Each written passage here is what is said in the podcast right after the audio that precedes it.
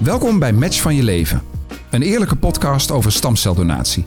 Ik ben Ferry Stofmeel en ik neem je mee in de wereld van jonge helden en dappere patiënten. Elke aflevering ga ik in gesprek met twee gasten die hun eigen verhaal delen en ons laten zien hoe één match een leven kan veranderen. Of je nu geïnteresseerd bent om je te registreren als stamceldonor, of dat je een patiënt bent, of gewoon nieuwsgierig bent naar de bijzondere match tussen donoren en patiënten, deze podcast is voor jou. Dit is Match van je leven. Let's go!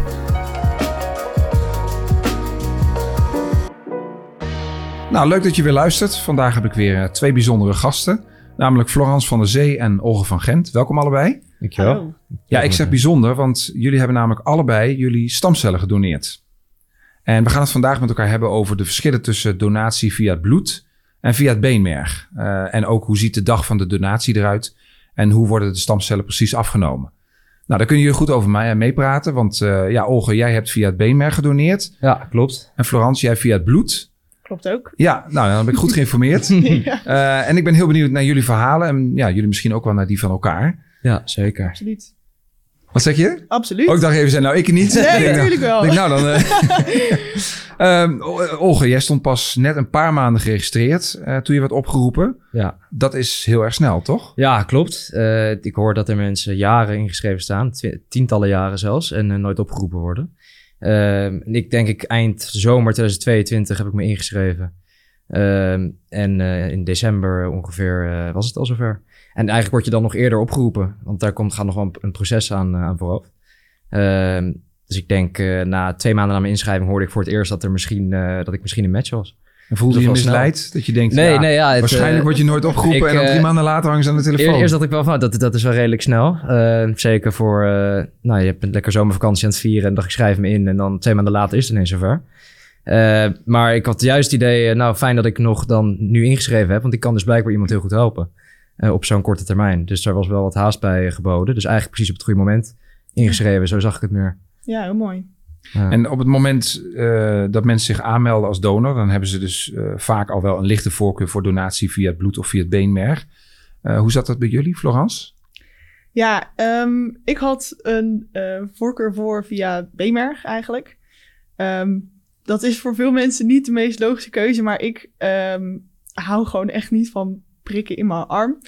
Dus ik had zoiets van, nou, als ik dan lekker makkelijk onder narcose kan en op die manier eh, ja, dat kan doen, dan eh, had dat voor mij een lichte voorkeur. Maar uiteindelijk was het voor mij ook om het even. Zo groot is die angst ook weer niet. Maar Als je maar niet bij bewustzijn bent. dan, Nee, eh, precies, ja, helemaal Ik wou zeggen, want het gaat, ik wou Ja. zeggen, via beenmerg gaat natuurlijk ook een naald, maar ja, dan ben je onder narcose, daar krijg je Ja. er zelf niks van mee. Ja, het is ook niet dat ik echt een fobie heb voor naalden, maar ik hou gewoon, ik ben ook gewoon bloeddonatie, doe ik ook, maar ik hou er gewoon niet van. Nee. Dus ik had zoiets van, nou, als ik dan die opties heb, nou, heeft dat een voorkeur, maar Maar je zegt eigenlijk, uiteindelijk maakt het niet uit. Ik Nee. bedoel, je had een lichte voorkeur, maar je, je hebt niet duidelijk aangegeven, ik nee, wil alleen via beenmerg en nee anders doe ik zeker het niet. Nee, zo, nogmaals, zo groot was die voorkeur ook niet. Dus. En hoe was dat voor jou, Olge?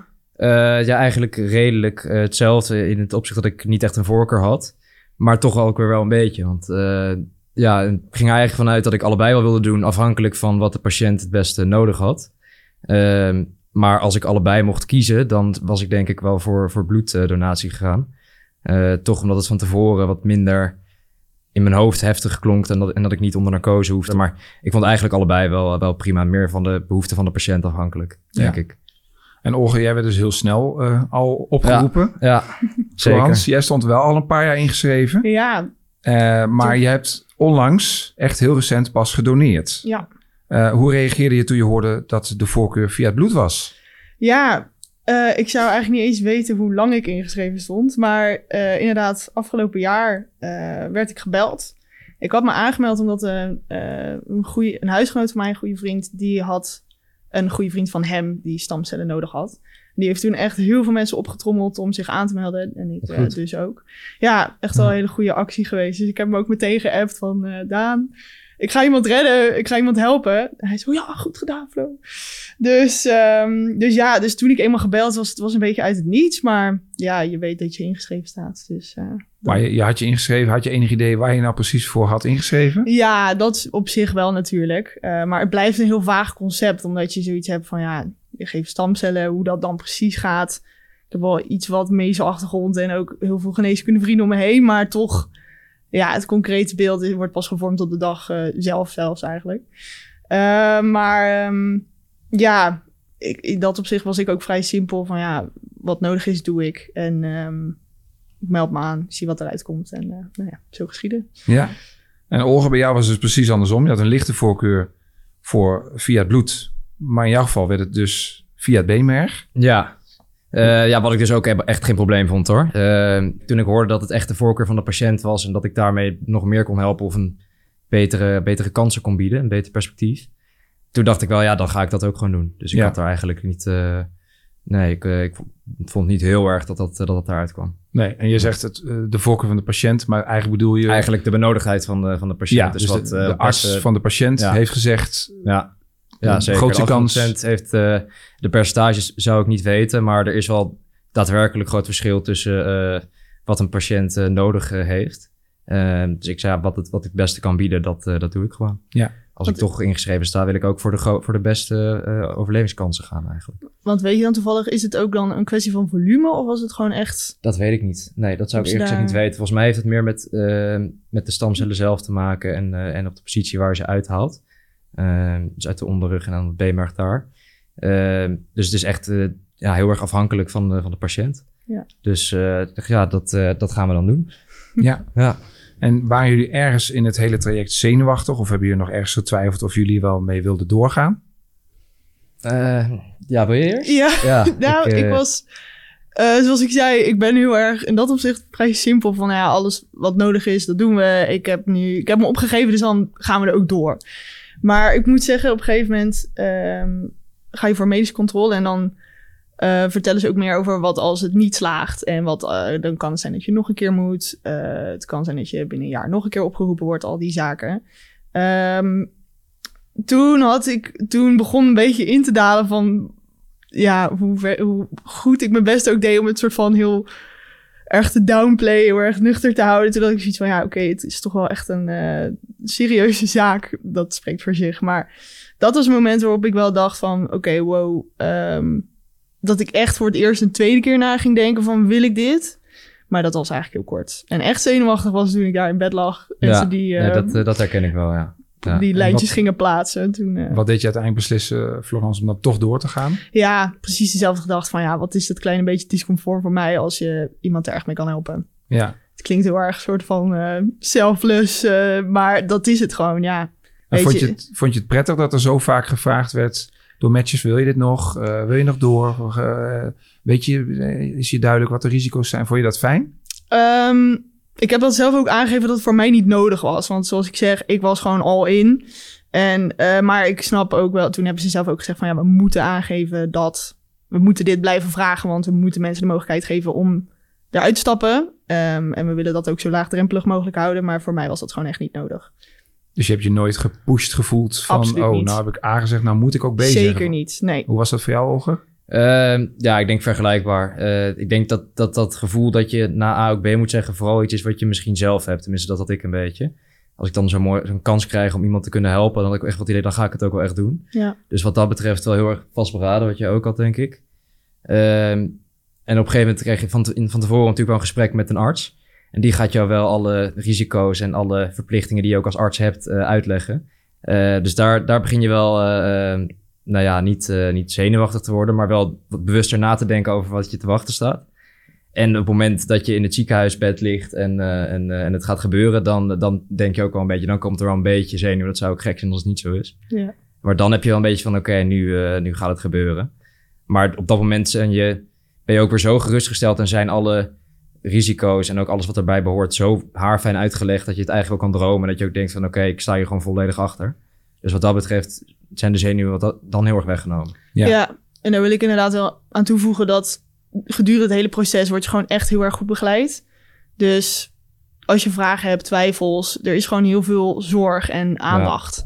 En dat, eh, dat is gewoon heel fijn. Het voelt gewoon, je, je voelt echt alsof je jezelf wel aan deze mensen kan toevertrouwen. Dus dat is... eh, Ja, zeker. Ja, het is meer de gezonde spanning dan dat, dat er iets gaat Ja. gebeuren, dan dat je echt nog vragen hebt als het eenmaal begint. Want Ja. dat, die kans is heel klein. ja, Ja. precies dat Ja. inderdaad. Nou, dan is het alweer tijd voor de stelling van de week. Eh, we zijn weer de straat op gegaan. En dit keer was de stelling: Na mijn donatie zou ik willen weten of de stamcellen bij de patiënt zijn aangeslagen. Gaan we even naar luisteren. Uh, ja, dat vind ik wel leuk. Zou ik leuk vinden om te weten, ja. Ja, ja, ik denk, nou, hoeft niet. Als ze het willen delen is dat wel fijn om te weten, maar het is ook wel, het is niet per se mijn business om, om er echt verder nog iets over te, te weten. Ja, dat zou ik wel willen weten. Ja, puur uit nieuwsgierigheid eigenlijk. Ja, ik zou er wel benieuwd naar zijn, ja. Ja, tuurlijk. Ja. Lastig. Ik, ik denk dat dat ook een optie moet, zou moeten zijn. Dat je dat wel te weten kan komen als je dat heel graag wil, maar niet hoeft. Persoonlijk zou ik dat niet per se hoeven weten, denk ik. Ik zou het wel graag willen weten. Puur om te weten hoe het is terechtgekomen en met wie of diegene ook wel, of het goed met, met hem of haar gaat. Ik zou het wel willen weten. Ja, ik zou het ook wel heel graag willen weten. Gewoon om te weten of jij nou echt geholpen hebt, zeg maar. Dat uh, zou ik wel fijn vinden. Nou, wisselende antwoorden op de stelling. Uh, hoe zit het bij jullie? Zouden jullie willen weten of degene aan wie jullie gedoneerd hebben, of diegene het gered heeft of niet? Olger? Uh, ja, ja, dus volgens mij mag je na een jaar mag je dan om een uh, status-update vragen. Ik zelf ben daar wel benieuwd naar.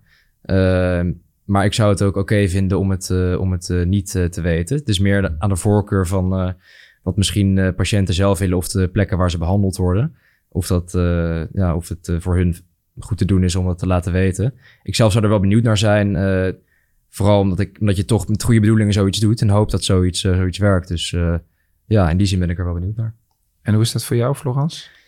Um, ja, ik denk wat de stellingen, de reacties op de stelling denk ik ook wel weer spiegelen is. In eerste instantie heb je heel erg zoiets van, ja, tuurlijk wil ik het weten. Je doet het toch om iemand eh, te helpen en dan wil je eigenlijk graag horen dat het wel zo is. Maar vervolgens kreeg ik wel ook een beetje het inzicht dat er natuurlijk wel een kans is dat die persoon na een jaar uh, niet heeft gehaald. En dat haalt dan natuurlijk niet weg wat je voor die persoon hebt gedaan. Maar denk dat dat toch wel een inzicht is waar, ik, waar je dan toch twee keer over na wil denken. Van misschien wil ik dat dan toch ook gewoon in het, in, zeg maar in het laten. Um, ja, dat, dat, dat je jezelf dan maar gewoon vooral wijs maakt dat het goed is gegaan. En uh, dat je dan dit slechte nieuws, dat je toch mogelijk wel kan krijgen. Want we hebben het ook over hele zieke mensen. Uh, dat je jezelf daar toch een beetje voor bescherming neemt. Dus ik ben er zelf ook nog niet helemaal uit. Maar nee. mijn eerste reactie was zeker van ja, natuurlijk wil ik het weten. Ja, ik snap goed wat je zegt. En je mag dus niet weten om wie het gaat, hè? wie de patiënt is waar je voor doneert. Maar je, je krijgt wel iets aan informatie. Uh, wat hebben jullie te horen gekregen over jullie, over degene aan wie jullie hebben gedoneerd? Ja, het geslacht en de leeftijdsgroep. Ja.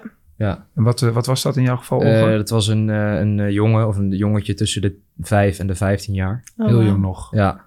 Ja. ja. En wat deed dat met je toen je dat, dat hoorde? dat bracht wel erg veel besef, ja. Ja, ja. heel mooi. Eigenlijk geeft dat, ja, dat niet natuurlijk meer motivatie, maar het, zet wel even in perspectief waar je, waar je mee bezig bent. Uh, dus dat vond ik wel bijzonder, ja. Ja, ja, ja ik denk dat het ook een iets uniekere situatie is. Ik had een man van middelbare leeftijd. En ik denk dat ja. vaak toch iets meer in een later leeftijdsstadium komt... dat je stamcellen nodig zou moeten hebben. Ik ben me er niet op vast hoor, maar dat idee heb ik wel. Dus als je dan een kind hebt, dat is natuurlijk... Uh, ja, het maakt in principe, anders, ja. ja. Het maakt in principe ook niet uit voor... Ik had het voor iedereen gedaan. Ja, dat sowieso. Maar het... Uh, ik weet niet, het, het, uh, het zorgt er wel voor wat meer besef. Ja. Laat ik het zo zeggen. Nou, ik kan me ook voorstellen dat ja. je realiseert je dan van ah, als het zo'n jong kind is, dan ja. heeft hij dus ook nog relatief jonge Zeker. ouders en misschien jonge broertjes en zusjes. Ja. ja, en mogelijk dus ook nog echt al een heel veel leven voor zich ja. Uh, om ja. Ja, in te vullen. Niet dat dat voor middelbare man niet zo is, maar ja, het is toch net even een andere. Ja, insteek. absoluut. En, uh, en je begint daarbij ook wel. Uh, uh, na te denken over wat, met, wat het met de hele familie daaromheen doet. Ja. Uh, en dat je, wat je ook, je hoort tijdens de procedure heel vaak hoe groot de kansen zijn dat je überhaupt een match wordt. Dus als je dat dan voor iemand kan zijn, dan, uh, dan is het voor de mensen natuurlijk super fijn en voor de familie eromheen ook van een, van een jong kind. Dus dat vond ik wel bijzonder. Ja. ja. ja. En Florence, jij hebt dus gedoneerd via het bloed. Mm -hmm. Hoe heb jij je op de donatie zelf voorbereid? Ja, dat is een goede vraag. Want ik heb er, je moet sowieso voor bloeddonatie moet je groeifactoren spuiten. Um, en dat houdt eigenlijk in dat je vier dagen van tevoren begint met um, elke dag een uh, spuitje zetten. Tweemaal, s ochtends en avonds in een huidplooi in, rondom je buik. En um, daar ook daarin word je heel goed begeleid. Dus er komt een verpleegster thuis en die uh, legt je allemaal uit hoe het moet. En ja, het is een beetje een gekke ervaring om jezelf op die manier te prikken. Maar uh, ook daarin had ik zoiets van, nou ja, let's do it. Dus, het is dan lastig uh, om, om zelf te doen, want je, je zegt dat je niet graag naalden in je, in je arm. Om het ja, zelf te doen lijkt me ook wel weer gek. Ja, nou, het is vooral, ik hou gewoon echt niet van het gevoel van een naald in mijn arm. Ja. prikken van een naald vind ik prima. Ehm, dus eh, ik vond het wel een unieke ervaring eigenlijk. En ehm, ja, het is ook verder, er zit niet zo heel veel. Het is gewoon echt een huidplooi. Dus het is niet alsof je echt een bepaalde plek heel secuur moet uitzoeken. Dus eh, dat was ook wel eh, elke ochtend dat je daar dan steeds met je naald. Dat je denkt, nou, huppakee. En ehm, nou ja, leuk. Dus, eh, Nieuwe dus hobby. dat is de voorbereiding. En ehm, verder heb ik dan mentaal... Ja, die groeifactoren die hebben dus wel een aantal effecten. Je wordt er vooral... Ik krijg een beetje last van van je botten. En eh, ik werd er gewoon, moest gewoon alles lekker rustig aandoen. Dus ehm, dat heb ik de eerste dag zeker niet gedaan. Toen heb ik nog acht uur gewerkt. Toen werd ik meteen teruggefloten. Dus eh, de rest van de dagen rustig aangedaan. En de dag zelf, ja, ik moest voor dag en dauw op. Eh, dat was een eigen keuze om naar het ziekenhuis te komen. En ehm, ja, toen zijn we gewoon begonnen. Ja, en Olga, jij hebt via BMR gedoneerd, dus jij hoefde die spuitjes niet te zetten. Nee, klopt. Hoe heb jij je voorbereid? Ehm, ja, bij mij was de voorbereiding dus niet zozeer fysiek eigenlijk. Eh, behalve dat ik nadat ik eventueel een match was, dan bloed aangeleverd heb. eh, bij de huisarts. Maar dat heb jij ook gedaan, denk Ja, ik. zeker. Om, eh, om überhaupt een match met iemand te zijn. Ehm, dus fysiek niet zozeer veel voorbereidingen. Eigenlijk ging ik er redelijk open in. En ehm, ja, ben je, ben je wel wat met mensen in contact van match van tevoren. Je wordt er heel goed in begeleid, dus dat is wel fijn. Je wordt meerdere malen gevraagd of je nog vragen hebt, voorafgaand aan de procedure. Dus ik was voor mijn gevoel eigenlijk heel goed voorbereid, zonder dat ik heel veel voorbereiding hoefde te treffen. ja. Eh, dus dat, eh, nee, dat, dat ging heel goed eigenlijk. Ehm, en de avond van tevoren ehm, ook eh, overnacht in het hotel bij, bij het ziekenhuis in Leiden. Ehm, en dan in de ochtend eh, gaat het hele traject beginnen. En, en kan je vertellen hoe de dag van de donatie eruit zag voor jou, Olga? Eh, ja, je moet het redelijk vroeg aanwezig zijn. Of redelijk vroeg, heel vroeg eigenlijk. Ehm, vandaar ook dat die over- hotelovernachting, als je niet uit de regio van het ziekenhuis komt, wel, wel handig kan zijn. Ehm, dus heel vroeg ben je daar. Dan ehm, kom, word je gelijk welkom geheten. Iemand van Matches, die loopt met je mee. Door sowieso de hele dag, het hele proces met je mee. Ehm, die, dan word je in het ziekenhuisbed eh, gelegd eigenlijk. En is het even wachten, komt de anesthesist met je praten. Dus degene die de verdoving doet. Ehm, die legt je ook heel erg goed uit wat daar allemaal bij komt kijken. En na verloop van... Je kan of vrij snel aan de beurt zijn of het kan even duren. Dus dat je een halve dag wacht. Eh, of minder nog volgens mij. Je bent natuurlijk wel nuchter, dus je mag niet eten en drinken.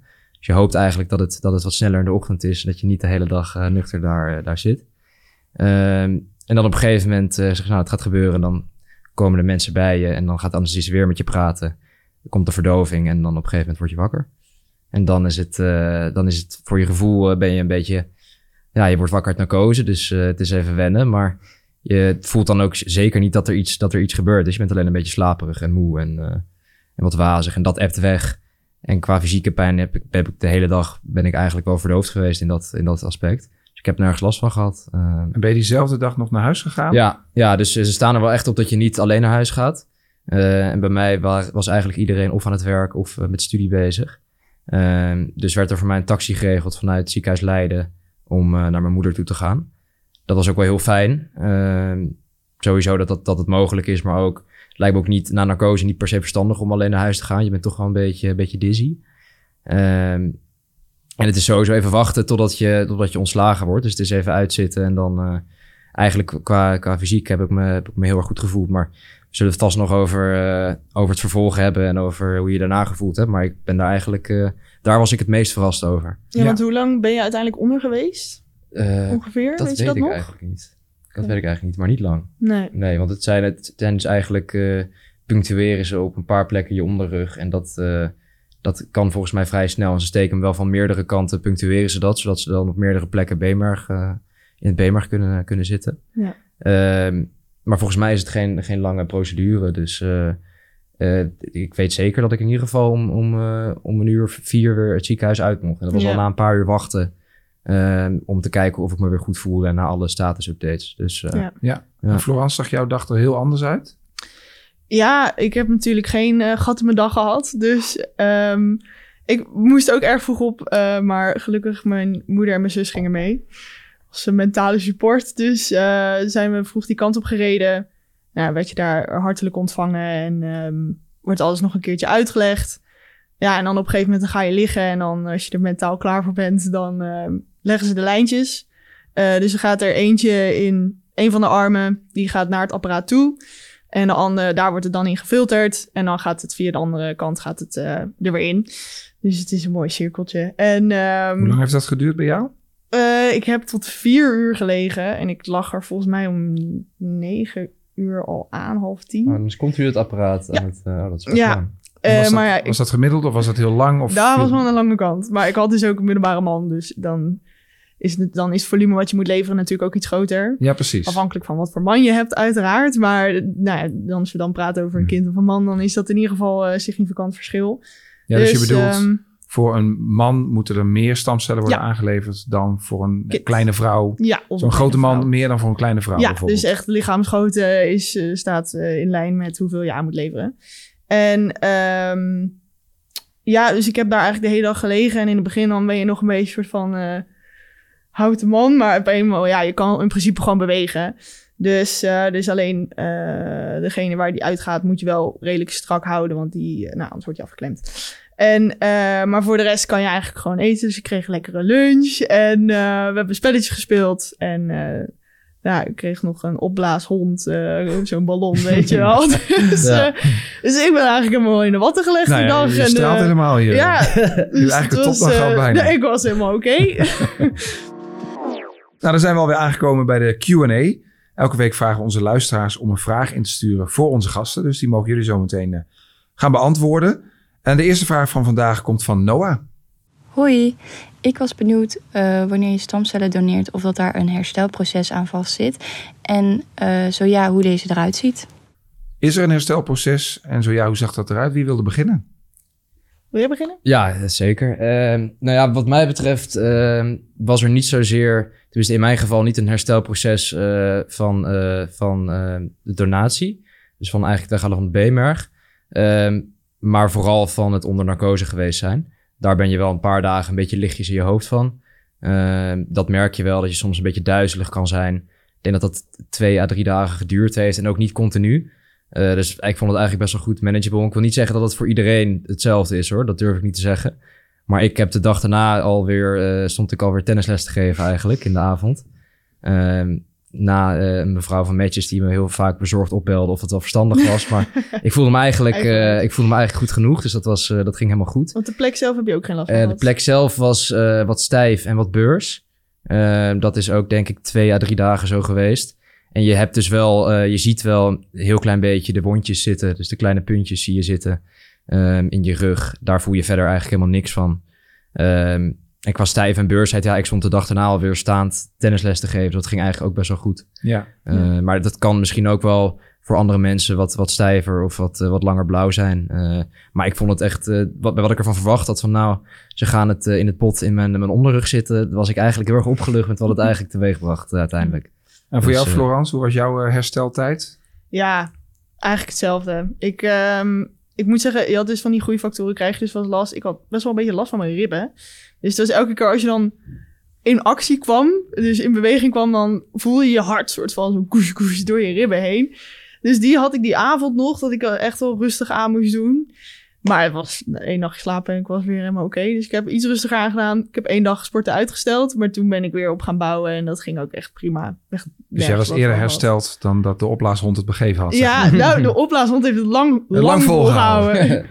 nou, heel Poosje. fijn. Nou, we hebben nog een vraag van Sarah. Ik vroeg me af hoe het eh, doneren van stamcellen jou eh, zowel fysiek als mentaal is eh, ja, bevallen. Viel het mee, viel het tegen? Of je daar wat meer over kan vertellen. Nou, het fysieke aspect hebben we het eigenlijk al een beetje over gehad. Ja. Maar eh, mentaal, hoe was dat, eh, Florence? Ja, goede vraag overigens. Ehm, ik denk dat dat ook wel een beetje dus afhangt van hoe je er zelf in gaat. Zoals ik al een paar keer benoemd, ik was vrij nuchter, dus het herstel was eigenlijk ook eh, ja, mentaal niet nodig. Nee. En bij jou, Olge? Ja, nee, hetzelfde. Ehm, ik eh, gewoon ook lang mezelf voorgehouden dat als ik er niet al te veel over nadenk, dan word ik er ook vast niet zo zenuwachtig van van tevoren. En toen het uiteindelijk fysiek allemaal heel erg mee bleek te vallen achteraf, was het mentaal eigenlijk helemaal oké. Eh, Dus in die zin dat ik eh, juist een, eerder een heel dankbaar en blij gevoel heb dat het allemaal zo goed gegaan is. Ja. Eh, en dat ik heel blij ben dat ik heb kunnen helpen en ook verbaasd ben hoeveel moeite of eigenlijk fysiek inspanning het gekost heeft. En ook qua hersteltermijn dan. Dat ik, eh, dat ik heel, heel dankbaar en blij was eigenlijk, vooral mentaal. En Ja. toen je net wakker werd uit de narcose, voelde je toen ook al vrij snel goed Eh, afgezien? Nou, dat, ja, dat een beetje in de war en slaperig. Maar dat ben ik als ik in de ochtend wakker word ook wel even. tot ik mijn koffie heb gehad. Dus eh, nee, dat, is, dat, is, eh, dat gaat wel. Dat is goed te doen. Ehm, Als alleen kinderen bent- eh, wakker worden uit narcose, mogen ze vaak als eerste een ijsje. Wat, eh, mocht jij koffie? Wat, wat kreeg jij? Ja, dat weet ik even niet meer. Maar eh, ik kreeg wel best wel wat lekkere dingen. En ik had een hele lieve mevrouw die me daarbij hielp. Dus eh, nee, dat was allemaal heel goed geregeld. En ik ben wel... Ja, lichtjes in je hoofd ben je. Want een paar keer moet je dan wel naar de wc. En dat moet dan ook niet onder begeleiding. Maar iemand moet wel jou naar de wc zien gaan. Als je moet plassen. Ehm, en dan kan je ook wel licht in je hoofd worden. Dat had ik dan niet. Maar dat- je merkt het wel een beetje. Ja. Dat je onder narcose geweest bent. Dat was ook echt het enige. En Florence, op de dag dat jij weer naar huis mocht na doneren, hoe zag die avond eruit? Ehm, ik ehm, heb een traditie met mijn huisgenoot dat we op de dertiende altijd eh, een pizza eten. Nou eh, ben ik niet op de dertiende heb ik gedoneerd, maar ehm, Toch pizza. we hebben pizza gegeten. Dus het was voor mij eh, was dat helemaal goed. En eh, we hebben lekker op de bank gelegen en eh, nou, ook met de taxi naar huis gebracht. En dat was helemaal, eh, helemaal goed. Het klinkt bijna als een van de leukere dagen. Ja, Eh, ik moet zeggen, Spelletjes gedaan, eh, opblaashond en dan Ja. nog pizza Ja, s'avonds. het was nou, een ja. hele goede dag. Ja. en nog mensenleven eh, geholpen. ja, nou jullie gaven eigenlijk al aan dat jullie heel nou, ja, positief of eh, Ja. terugkijken op de, op de donatie en het hele traject ervoor. Ehm zeg je daarmee, ik zou het zo nog een keer doen? En ook eventueel via de andere methoden, nu jullie elkaars verhaal Ja, ik ben wel hebben? nieuwsgierig naar de andere methode. Ja, laten we ja. doen. Ja, ik wil ook een, eh, een opblaasballonnetje. Ja. Ja. Kijken. Eh, nee, ja, ze vragen dat ook nadat je klaar bent, volgens Ja. mij. Hè? Of je, of je nog open staat om het vaker te doen. En het kan ook zo zijn dat je het voor dezelfde patiënt nog een keer eh, moet Ja. doen, geloof ik. Ehm, of kan doen. Ehm, dus nee, ik zou er zeker voor openstaan. Absoluut. Ja, graag zelfs. Ja, Ja. ja. zeker wel zo. Nou, bijna een positieve wat je zegt. Ik heb een topdag gehad, dus een positieve ervaring. En ehm, zonder twijfel zou ik het nog een keer doen. Ja, nou mooi om te horen. Eh, ja, dit waren eigenlijk de vragen die ik voor jullie had bedacht. Maar eh, nu hebben jullie elkaars ervaringen gehoord. Eh, is er misschien nog iets eh, wat jullie aan elkaar zouden willen vragen? Eh, Florence, heb jij een vraag voor Olger? Ja, ik was eigenlijk benieuwd of je al een kaartje hebt gestuurd. Een kaartje, even voor de helderheid. Dat is als je op het moment dat iemand eh, dat je gedoneerd hebt, Ja. dan mag je anoniem een kaartje sturen aan degene, eh, aan de patiënt. Hè? Ja, het is heel belangrijk dat je daar niet laat merken waar je vandaan komt of wie je bent. Dus geen eh, klompen of tulpen, maar ehm, Nee, nee dat, dat, eh, het mag niet, eh, het mag geen, niks uit af te leiden zijn. Geen adres, geen namen. Volgens mij niet, niet eens de datum. eh, Nee, en klopt. Dat soort dingen. Eh, maar ik, heb dat, ik had dat nog niet gedaan. eh, maar toen ik gevraagd werd voor de podcast, toen ging er eigenlijk een belletje ring van, oh, dat wil ik eigenlijk nog even doen. Dus ik heb het nu eh, twee weken geleden heb ik het gedaan. En, ja, goed zo. je weet ook niet of je reactie terug eh, krijgt of niet.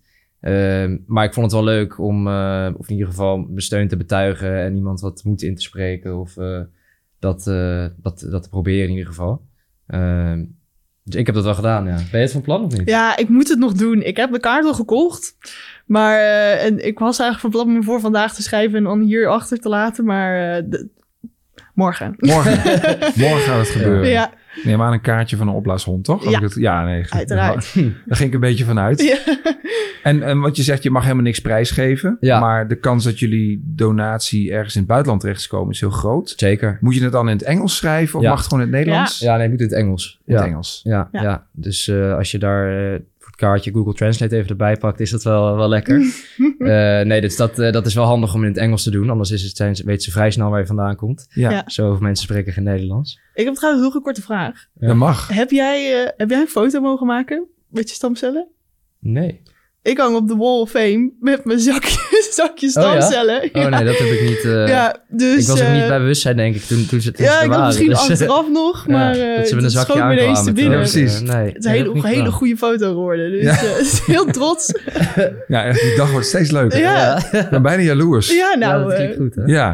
En Olga, heb jij misschien nog een vraag voor... ik, eh, ik vroeg me wel af, als je dan eigenlijk wat angst bent voor naalden... of het gewoon liever niet in je, in je arm hebt zitten... hoe het dan is om dan de hele dag aan te zitten... die in je arm zit eigenlijk. Dat lijkt Ja. me best wel, best wel intens. Ja, het is vooral... Ja, het is gewoon echt vooral het prikken zelf. Dus mijn moeder heeft ook zo'n hele leuke foto gemaakt... dat ik daar zo stijf met mijn ogen omhoog gericht... eh, vooral niet kijkend naar wat er gebeurt, eh, geprikt wordt.